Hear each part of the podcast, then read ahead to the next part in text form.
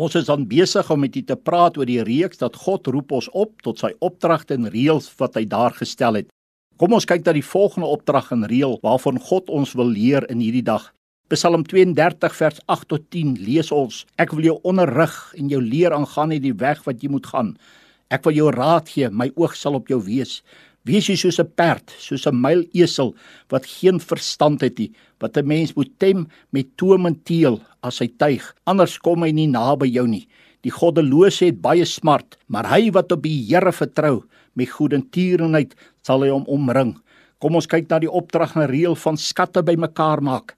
Matteus 6 vers 19 tot 21 verklaar oor hierdie saak. Moenie vir julle skatte bymekaar maak op aarde waar mot en roes verniel en wat diewe inbreek en steel nie, maar maak vir julle skatte bymekaar in die hemel waar geen mot of roes verniel en wat diewe nie inbreek en steel nie. Want waar jou skat is, daar sal jou hart ook wees. Interessant dat God trek die lyn van die grens sommer deur met een woord in vers 19: Moenie. Moenie julle besig hou met dit wat eintlik niks beteken nie, met dit wat in 'n oomblik van jou weggeneem kan word nie.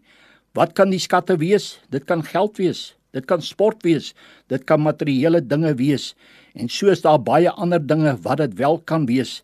Dit kan wees hoe jy jou tyd elke dag spandeer. Dit kan jou prioriteite wees.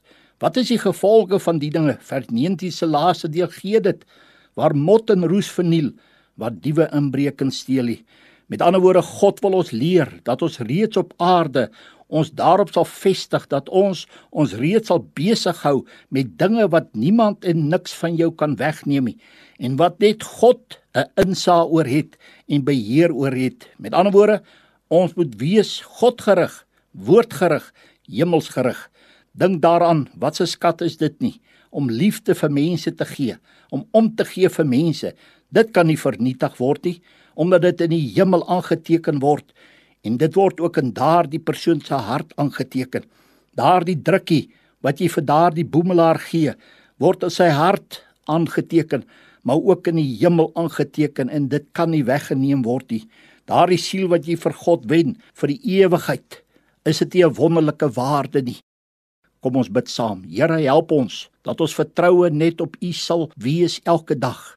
Help ons dat ons die skatte bymekaar sal maak wat niks beteken nie, maar laat ons die koninkryk, die hemelse skat se bou tot eer van U naam. Amen.